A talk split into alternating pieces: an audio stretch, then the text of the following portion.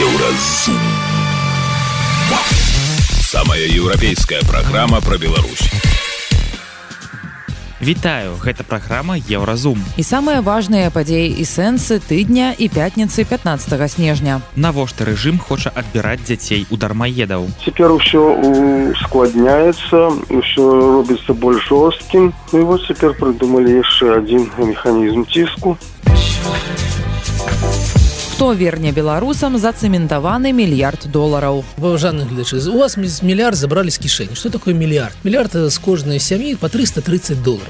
Вось іх взялі дзесьці ў 2009 году. Орбан блакуе грошы для Кіева, а аўстралійка скрала фургон з 10 тысячамі пончыкаў. Іх норавы. Яшчэ ёсць час у бліжэйшыя некалькі тыдняў Украіна не застанецца без грошай. Пра гэта ды іншае больш падрабязна цягам бліжэйшай гадзіны. Еўразум. Беларусь у еўрапейскім фокусе. У пастанову Савета міністраў Беларусі за нумарам 22 ад 2019 года былі ўнесеныя змены, якія тычацца непрацуючых грамадзян. Згодна з новымі папраўкамі прызнаць сям'ю сацыяльна небяспечнай для дзіця можна калі бацькі або адзін з бацькоў больш за тры месяцы не працуе ці не атрымлівае іншага законнага доходу. Еўрарадыё вырашыла разабрацца ў пытанні і высветліць для чаго улады пайшлі на гэты крок якім чынам гэта будзе рэалізоўвацца і ці сапраўды варта перажываць. Падрабязнасці ў рэпартажы. Наш корэспандэнт под выглядам неабыякавага грамадзяніна які працуе ў польшчы і мае дзіця звярнуўся ў камісію па справах непаўналетніх заводскага района мінска На пытанне пра тое, ці трапляе яго сітуацыя пад новыя папраўкі, спецыялістка установы адказала станоўча. Адзначым, што яна размаўляла з намі павышаным тонам. Так, вы працуеце ў Польшчы? Калі вы не плаціце падаткі ў Беларусі, то вядома, у дачыненні да вашай сітуацыі можа пачацца сацыяльнае расследаванне. Падстаў можа быць мноства. Журналіст пры гэтым расказаў, што зарабляе ў Польшчы, таму што знайсці працу па спецыяльнасці ў Беларусі не можа. Што вы хочаце пачуць? Ці пачнецца ў дачыненні да вас сацыяльнае расследаванне ці не, вам ніхто не скажа. Я магу сказаць, напэўна ж, так, расследаванне ў дачыненні да вас распачнецца. І я не магу сказаць, напэўна ж, не расследаванне ў дачыненні да вас не распачнецца. Усе, хто не працуе больш за тры месяцы, могуць пад гэта падпадаць, але гэта не значыць, што дзіцячыя садкі і школы будуць адпраўляць адпраўляць запыты на ўсе сем'і на адзін манер дзеля таго, каб дзіця паставілі на ўліку СНС. Спецыялісты інфармацыйна-кансультацыйнай платформы адно акно расказалі, што за апошнія некалькі месяцаў улада ў Беларусі ўсё больш актыўна цісне на людзей, якіх яна разглядае як утрыманцаў. У лістападзе ўвялі змены звязаныя з выездам за мяжу і перападлікам аплат ЖКП. Са снежня абмяркоўваецца законапраект, у якім прапануецца змена для ІП і грамадзян, якія займаюцца сельскагаспадарчай прадукцыяй. Зараз увага накіраваны ў бок бацькоў і іх дзяцей. На жаль, акрамя праблем з адаптацыяй здароўем, многія былыя палітвязні аказваюцца ў сітуацыі, калі працадаўцы не хочуць наймаць такіх супрацоўнікаў. На іх думку новая пастанова стане яшчэ адным інструментам ціску на людзей, нязгодных з уладай лукашэнкі. Палітолог Валер Карбалевич адзначае, што гэты крок звязаны з працэсам эвалюцыі рэжыму лукашэнкі з аўтарытарнага ў таталітарны. Як і ў савецкім саюзе, зараз дармаеды ў Беларусі гэта людзі у дачыненні, да якіх прымяняюцца свайго роду карныя меры. Ну і цяпер это паступова крыміналізуецца Вось, калі спачатку там у семнадцатым годзе паводле э, дэкрэту пра тоніяцыю там яны павінны былі плаціць штраф то потым у выніку пратэстаў палажэнне адмянілі але ўсё роўна так ці інакш яны павінны былі гэтыя людзі плаціць дадатковыя грошы за камунальныя паслугі. А, ну а вось цяпер усё ускладняецца ўсё робіцца больш жорсткім і цяпер адносна тых хто выехаў прымяняюцца жорсткія захады калі яны не працуюць тут адносна платы за камунальныя паслугі. Ну і вось цяпер прыдумалі яшчэ адзін механізм ціску акрамя таго са слоў карбалевіча гэтая пастанова можа паказваць на дэфіцыт працоўных рук у краіне. І трэба неяк прымусіць людзей працаваць на тых асабліва прадпрыемствах дзяржаўных дзе ёсць працоўныя руки і дзе ёсць дэфіцыт працоўных рук вакансій і людзі не хочуць працаваць. Ну вось вырашылі адначасова рашыць такім чынам і такую праблему таксама эксперт лічыць што ўлады гэтымі папраўкамі паставілі многіх людзей у складанае становішча а пагрозы дзецьмі назваў ганебнымі. Плюс это варыянт дзеля того каб неблаганадзейных палітычных людзей таксама что называется прышчучыць таксама паставіць іх перад непрыемнай непрыемнай сітуацыі пагражаючы іх дзецьмі тут же гаворка не, не абавязкова про тое что калі чалавек тры месяца не працуе то дзеці так сказаць э, забяруць это ну пакуль пагроза просто. Каб чалавек чалавек баяўся і ціск з дапамогай дзяцей гэта самы такі моцны і, і жахлівы ціск ну вось улады прымяняюць усе захады гэта і эканамічны ці спроба прымусіць людзей працаваць гэта і палітычны ціск калі по чалавекам чым больш пагроз вісіць над чалавекам тым больш ён будзе баяцца тут ідэалагічны ціск таму што лукашенко казаў што барацьба з дармаедамі гэта ідэалагічнае пытанне ў беларусі вось ну гэта цалкам вытекае з логікі эвалюцыі палітычнага рэжыму з пункту гледжання эканамісткі даследчага цэнтра бярок анастасія лузгіной гэтыя папраўкі звязаныя з жаданнем рэжыму задзейнічаць максімальную колькасць чалавек на рынку працы потому что мы сейчас знаем, что на рынке труда очень много открыто вакансий, и на ряд вакансий не находится работников, да, то есть спрос есть, а предложение ограничено. Вот, и пытаются, то есть у нас есть как такое понятие, как э, экономически активное население, да, то есть люди, которые, в принципе, могут работать, э, да, гипотетически, но по каким-то причинам не работают, да, может быть, по-разному, да, то есть или находятся в поиске работы, там, э, либо же там, например, не знаю, да, там просто не хотят, там отец работает, а мама решила остаться с детьми по-разному.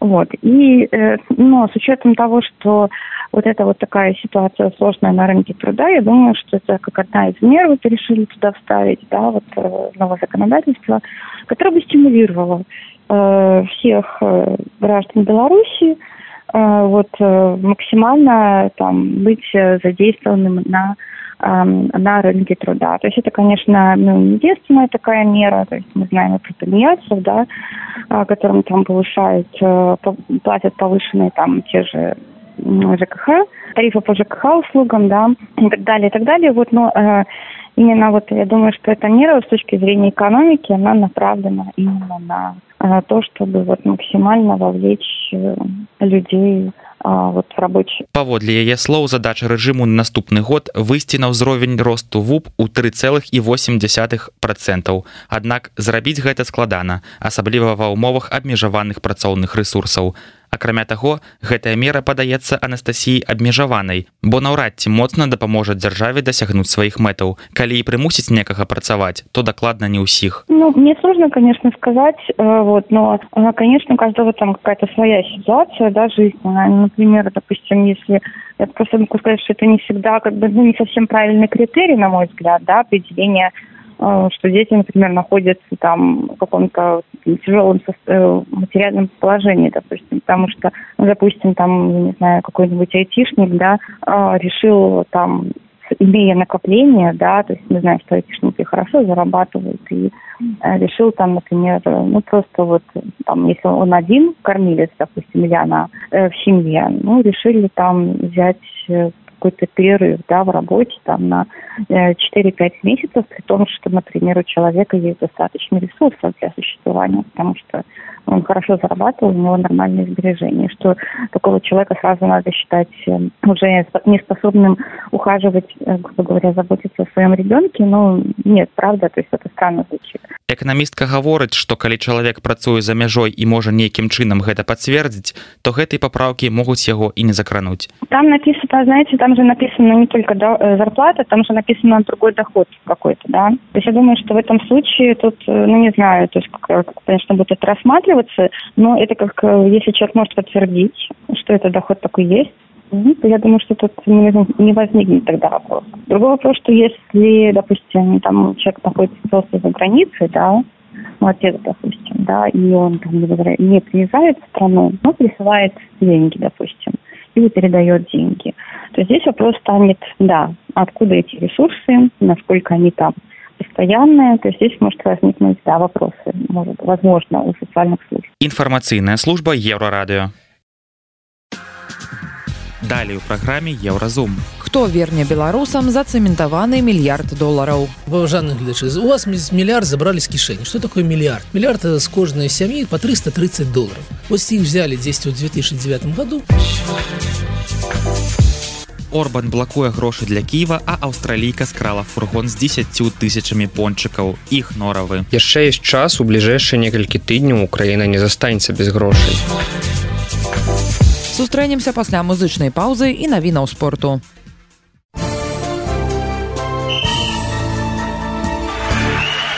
На еўрарадыё навіны спорту. Арына Сабаленко ўпершыню стала чэмпіёнкай свету па версіі міжнароднай федэрацыі тэніса. Сёлета ў беларускай тэнісісткі быў удалы сезон, ёй нават удалося часова адсунуць з першага радка рэйтынгу і гусвёнтак з Польшчы і стаць першай ракеткай свету. Цяпер Сабаленко знаходзіцца на другім месцы рэйтынгу жаночай тэніснай асацыяцыі чэмпіёнам свету сярод тэнісістаў стаў серб Новак Джокавіч. Пасля 16 паражэнняў галоўны трэнер баскетбольнага клуба мінск расціслаў вяргун пайшоў у адстаўку. Ён працаваў з камандай з 2019 года сёлетні сезон у адзінай лізе ВТБ стаў сапраўднай катастрофай прайграныя ўсе матчы. Выконваючым абавязкі галоўнага трэнера мінска прызначаны Алексей сухавецкі, які раней уваходзіў у штаб каманды. Беларускі хакеіст Ягор Шрангович вызначыўся ўжо ў чацвёртым матчы чэмпіянату НХл форвард калгары закінуў шайбу ў прайгранай па булітах гульні з мінісотай. Яна дзясятая ў сезоне. У рассіі вырашылі працягваць кар'еру футбалісты мінскага дынама Іван Бахар і Алексей Вакуліч. Яны падпісалі кантракт з тульскім арсеналам камандай першай лігі. Беларускі Алена Ляшкевіч і Дыяна Емельянова сталі чэмпіёнкамі Еўропы па тайскім боксе. Спаборніцтвы прайшлі ў Турцыі. На іх беларусы заваявалі яшчэ чатыры бронзавыя медалі. Гэта былі навіны спорту на еўрарадыё. Заставайцеся з намі.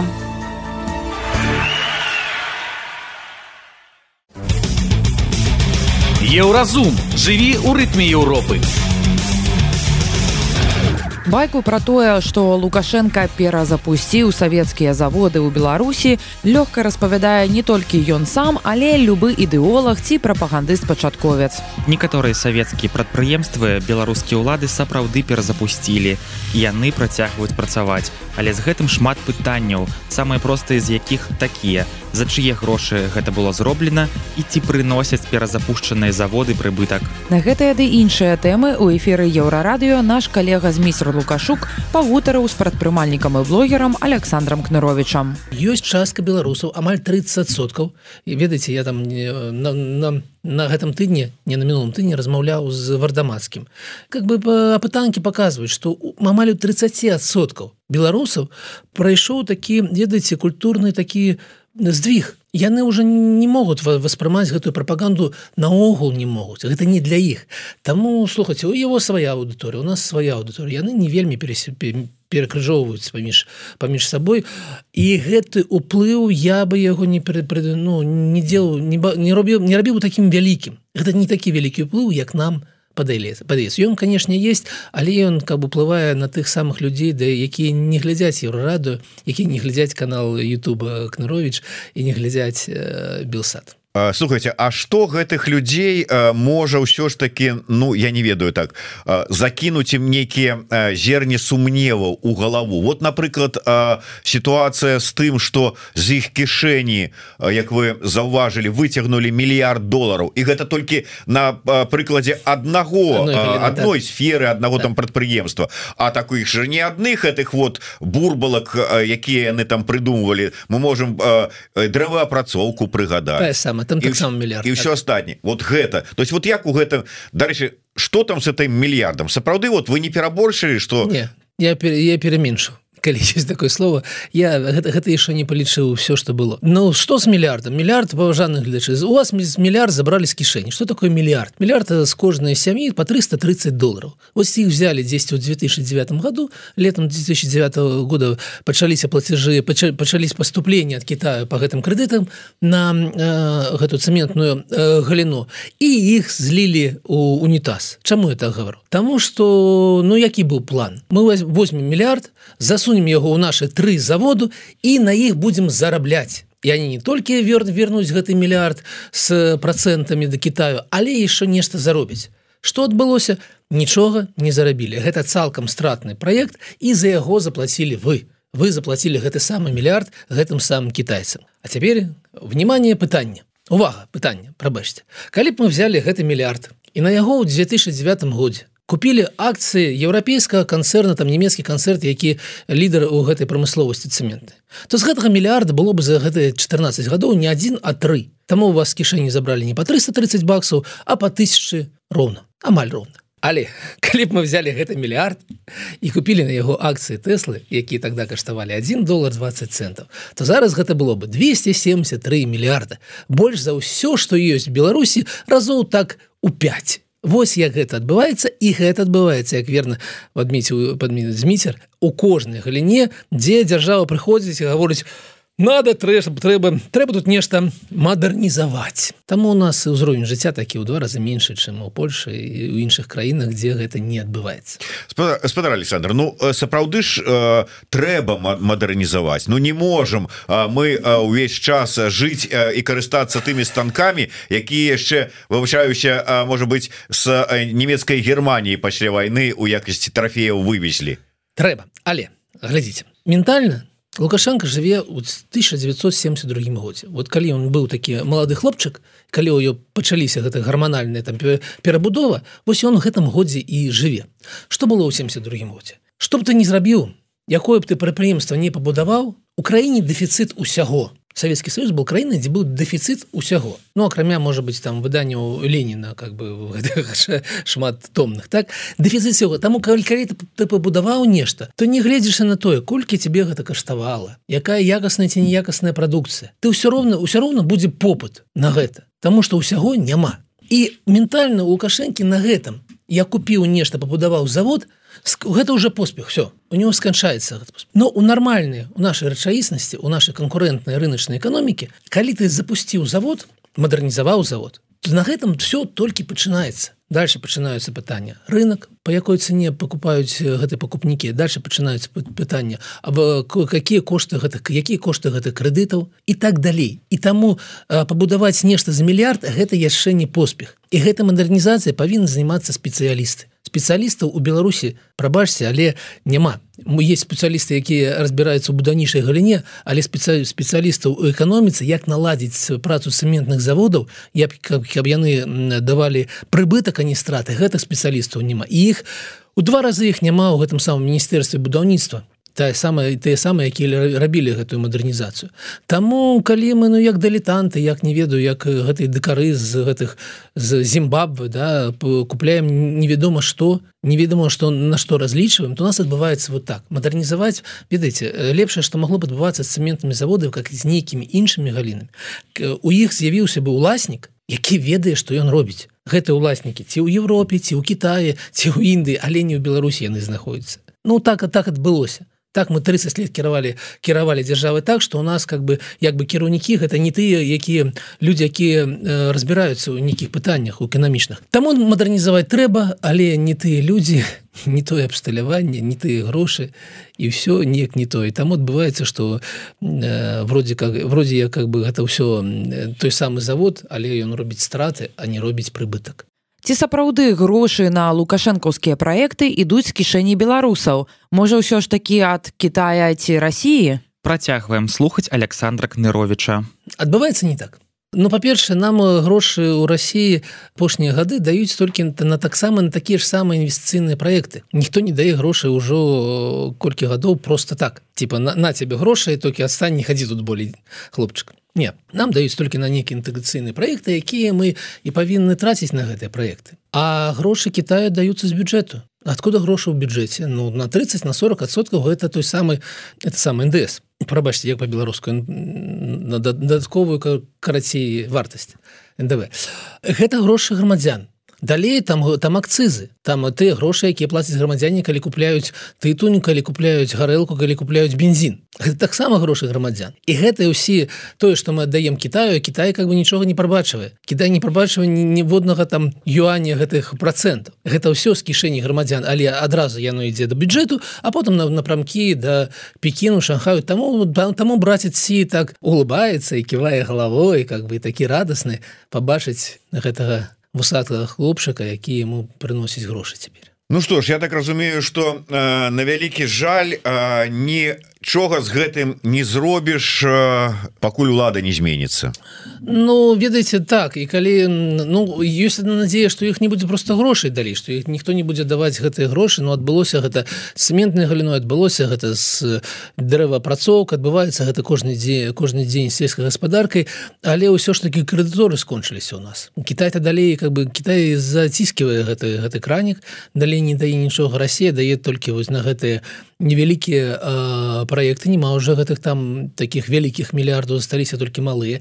Таму надзея толькі на тое что няма няма атамана больше золотого запасу таму не будзе не будзе больш страт. Я гэта не дзіўна гучыць але вось так это працу нет ну послухайте у нас же ёсць Африка мы ж там цагельні цагельні будаваць будем ведаеце как бы я я шчыра кажучы у меня неяк мову заняло калі я калі я гэта побачу мы збіраемся будаваць у экватарыальных гвіней цагельны завод цагель так? Але калі мы побачым что адбываецца у беларусі так беларусі ну цагельня ніхто не будуе уже цэлы. Чаму? Тому что ну гэта гэта па-першае зусім не танна гэта дорага. По-другое гэта не неэфектыўна тому что гэта ц, ц, ну гэта ж трэба яшчэ дадаткова шмат чаго рабіць калі ты будуеш будынак это цэлы тому гэта гэта матэрыял гэта канструкцыя якія ў 21 стагоддзе амаль не ўжываюцца толькі ну 10 у экстэр'еры не ну наша справа пабудаваць А что там ім атрымаць за тое что мы пабудавалі грошы іх праблемы у нас уже быў досвед калі мы нешта пабудавалі цэлы цэлы каліны камбінату у туркменістра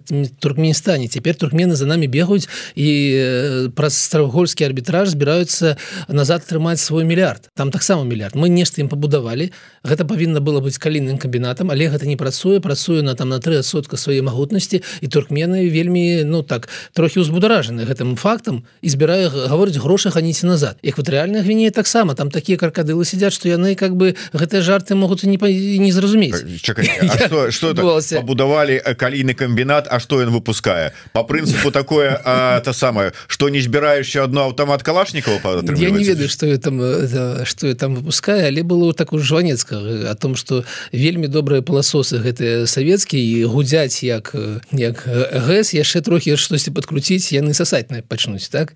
Так вось гэта калійны комбінат трымаўся менавіта на жаль таким на жаль таким. Там у нас таких трэці да у нас что было в венесуэле венесуэле мы пабудавалі прадпрыемства по сборке трактару і мазаў якое стаіць уже 6 гадоў там но ну, 55 мільёнаў долларов было сунута таксама падаткаплатнікаў беларускіх грошай і все 6 гадоў не працуюць прадпрыемства Таму у нас гэтая гульня куды засунуць грошы беларусаў яна как бы не сканчаецца. І ад таго что лукашенко ездзіць по Афрыцы і толькі толькі страшно больш страшно можа просто грошай сапраўды дзеваць няма куды. Вот паглядзіце колькі зараз военных за заказаў у Беларусі. Ведаеце у чым у чым беда с военными заказами але гэта не для Беларусі конечно беда беда для России калі ты робіш нейкі ну некую не ведаю что хлеб да вось мы как бы с вами мы с вами пайшлі пекарню там зрабілі хлеб атрымалі за яго за яго грошы. Так той чалавек які купіў грошы ён атрымаў хлеб.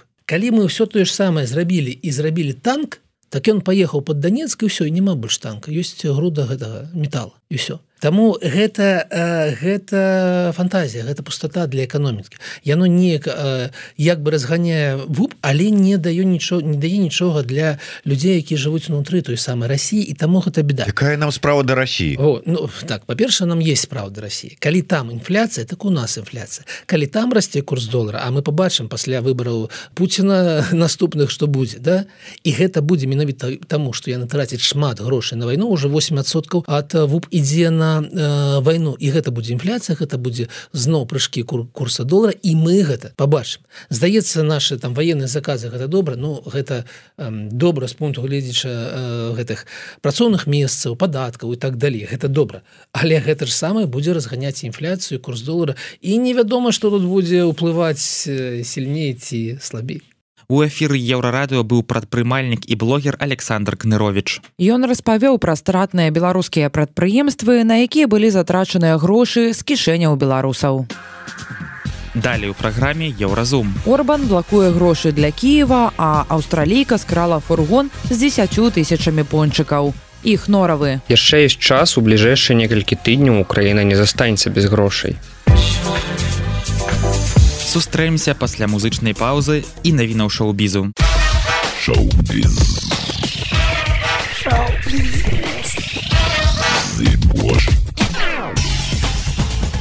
Вітаю гэта навіны шоу-бізу. Французская актрыса Эмануэль Дебвер, якая адной з першых абвінаваціла Жрара Дэпардзе ў сексуальным гвалце памерла ў парыжы пасля тыднёвай шпіталізацыі паведамляюць сусветныя сМ. Як піша за Холлівуд рэпортер ДБВР яшчэ ў 2019 годзе прызналася, што калега па здымачнай пляцоўцы прыставаў да яе падчас працы над фільмам Дантон. Справа была ў далёкім 82 годзе і абодва яны гралі галоўныя ролі. Актрысу знайшлі мёртвай у рацэ сена ў парыжы. Ёй было 60 год. Трагедыя адбылася яшчэ на мінулым тыдні напярэдадні прэм'еры дакументальнага фільма аб выпадках гвалту з боку дэпа дэпардье. У сетцы з'явіўся трэйлер новага фільма студыі А24 грамадзянская вайна галоўную ролю ў карціне выканала Кірстен Данс. Дзеянне разгортваецца ў нявызначаным пункце будучыні ва ўмовах грамадзянскай вайны ў ЗША. Урад наносіць авіаудары па мірным насельніцтве журналістаў расстрэльваюць у капітолі, а 19 штатаў адлучаюцца ад дзяржавы. Гераіня Данст, фотажурналістка, якая ў экстрэмальных умовах працягвае выконваць сваю працу. Таксама ў карціне зняліся вагнер Мора, Стывен Маккінлі, Хендерсон і Кейлі Спэні. У сетцы з'явіўся трэйлер фільма дзяўчына міллера, галоўнай ролі, у якім згулялі Джэна Артэга і Мартин Фрыман. Персонаж артэгі таленавітая дзяўчына, якая падчас заняткаў па літаратуры захапляецца сваім настаўнікам, нерэалізаваным пісьменнікам, ролю якога выканаў Мартин Фрыман. Свае пачуцці студэнтка праяўляе ў творчасці, піша непрыстойны твор. Умова настаўніка перапісаць тэкст альбо педагогу давядзецца яе заваліць. І ў гэты момант юны талент пачынае шантажаваць настаўніка. Гэта былі навіны шоу-бізу, заставайцеся на хвалях еўрарадыё.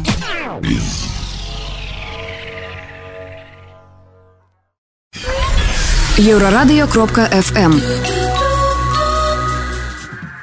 сачыць за тым што адбываецца ў свеце трэба не толькі калі святлана ціхановская выязджае на сустрэчу з амерыканскімі кангрэсменамі. Але мы ведаем што вы занадта занятыя паглынаннем беларускіх навінаў таму кожны дзень маніторым сусветныя медыа за вас. І вельмі коротко расказваем пра самыя галоўныя а часам і пра самыя смешныя падзеі ў свеце. Такім чынам мы падышлі да нашага штотыднёвага агляду міжнародных навінаў іх норавы на еўрарадыё. Ледзь-ледзь еўрапейскія лідары пачалі перамовы аб членстве ўкраіны і малдовы ў ес як прэм'ер венгры Віктор Орбан заявіў што ён блакуе 50 мільярдаў еўра еўрапейскай дапамогі для кіева Орбан мог і самі перамовы заблакаваць, але не зрабіў гэтага. Хоць потым доўга тлумачыў венгерскаму радыё, маўляў, 8 гадзін змагаўся з партнёрамі ПЕС, але так і не змог пераканаць іх, што ўкраіна не павінна пакуль быць сябрам аб'яднання. Украіна і суседняя Малдова падалі заяўку на ўступленне ў ЕС пасля таго, як Расія пачала паўнамасштабнае ўварванне ва ўкраіну ў лютым 22 года. Ім абодвум надалі статус кандыдата ў чэрвені мінулага года. Але Орбан рашуча супрацьстаіць ідэі аб уступленні ўкраіны ў ЕС, паводле яго словаў вайна, карупцыя, жорсткае абыходжанне з венгерскай меншасцю пазбаўляюць кіеў права стаць сябрам аб'яднання ў бліжэйшы час. І хоць перамовы аб сяброўстве Орбан не заблакаваў, ён усё ж такі стаў прычынай дрэнных навін для Кіева і пакінуў украіну без еўрапейскай дапамогі. І гэта пры тым, што ўсе астатнія краіны ЕС вельмі хацелі гэтую дапамогу выдзеліць. У пачатку наступнага года перамовы аб дапамозе для ўкраіны адновяцца і прэм'ер нідерландаў марк руте абнадзейвае яшчэ ёсць час у бліжэйшыя некалькі тыдняў украіна не застанецца без грошай. Орбан лічыць што венгрыя голас здаровага сэнсу ў еўропе. Але меркаванне прэзідэнта ўкраіны владимира зяленскага менш камплементарнае. Ён мяркуе што владимир путин проста наклаў вета на пастанову аб выдзяленні грошай праз орбана выдумалі што сітуацыя з правамі афганскіх жанчын напэўна ўжо не можа пагоршыцца? Восене ан кажа што ў афганістане талібы адпраўляюць у турму жанчын якія перажылі гвалт. І яшчэ заяўляюць што робяць гэта каб іх абараніць. Да таго як талібы захапілі ўладу сітуацыя ў краіне таксама была не вельмі добрай але там было прынамсі 23 дзяржаўныя прытулкі для пацярпелых ад гвалту жанчын і гэтых прытулкаў больш няма. Урад талібану палічыў, што яны не патрэбныя, а адзін з прадстаўнікоў талібаў сказаў, што падобныя прытулкі гэта заходняя канцэпцыя.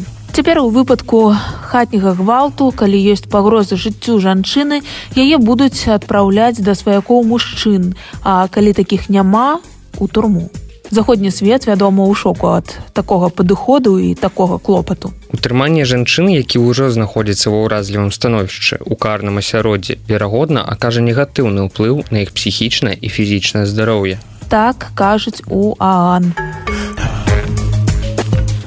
А паліцыя Гконга абяцае больш за 100 тысяч долараў за інфармацыю пра пацярпелых актывістаў, якія ўсё яшчэ спадзяюцца вярнуць дэмакратыю ў Гконг. Іх абвінавачваюць у самых розных злачынствах ад падбухтоўвання да сепаратызму да змовы з замежнымі сіламі.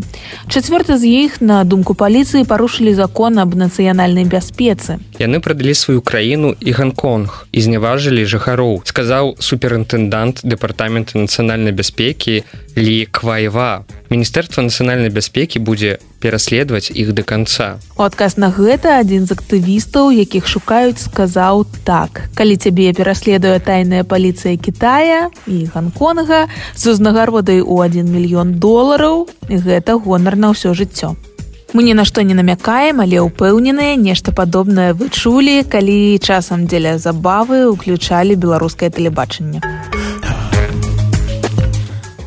Аўстралійка скрала фургон з дзесяцю тысячамі пончыкаў і ніводнага не з'ела.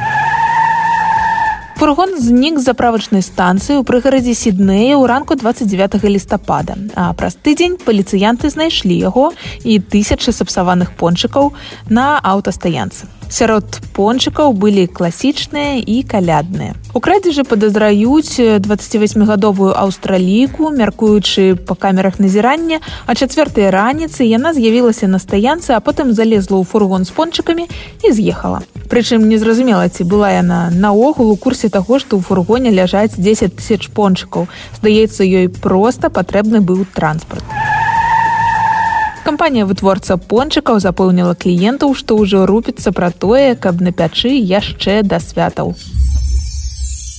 Інфармацыйная служба еўрарадыо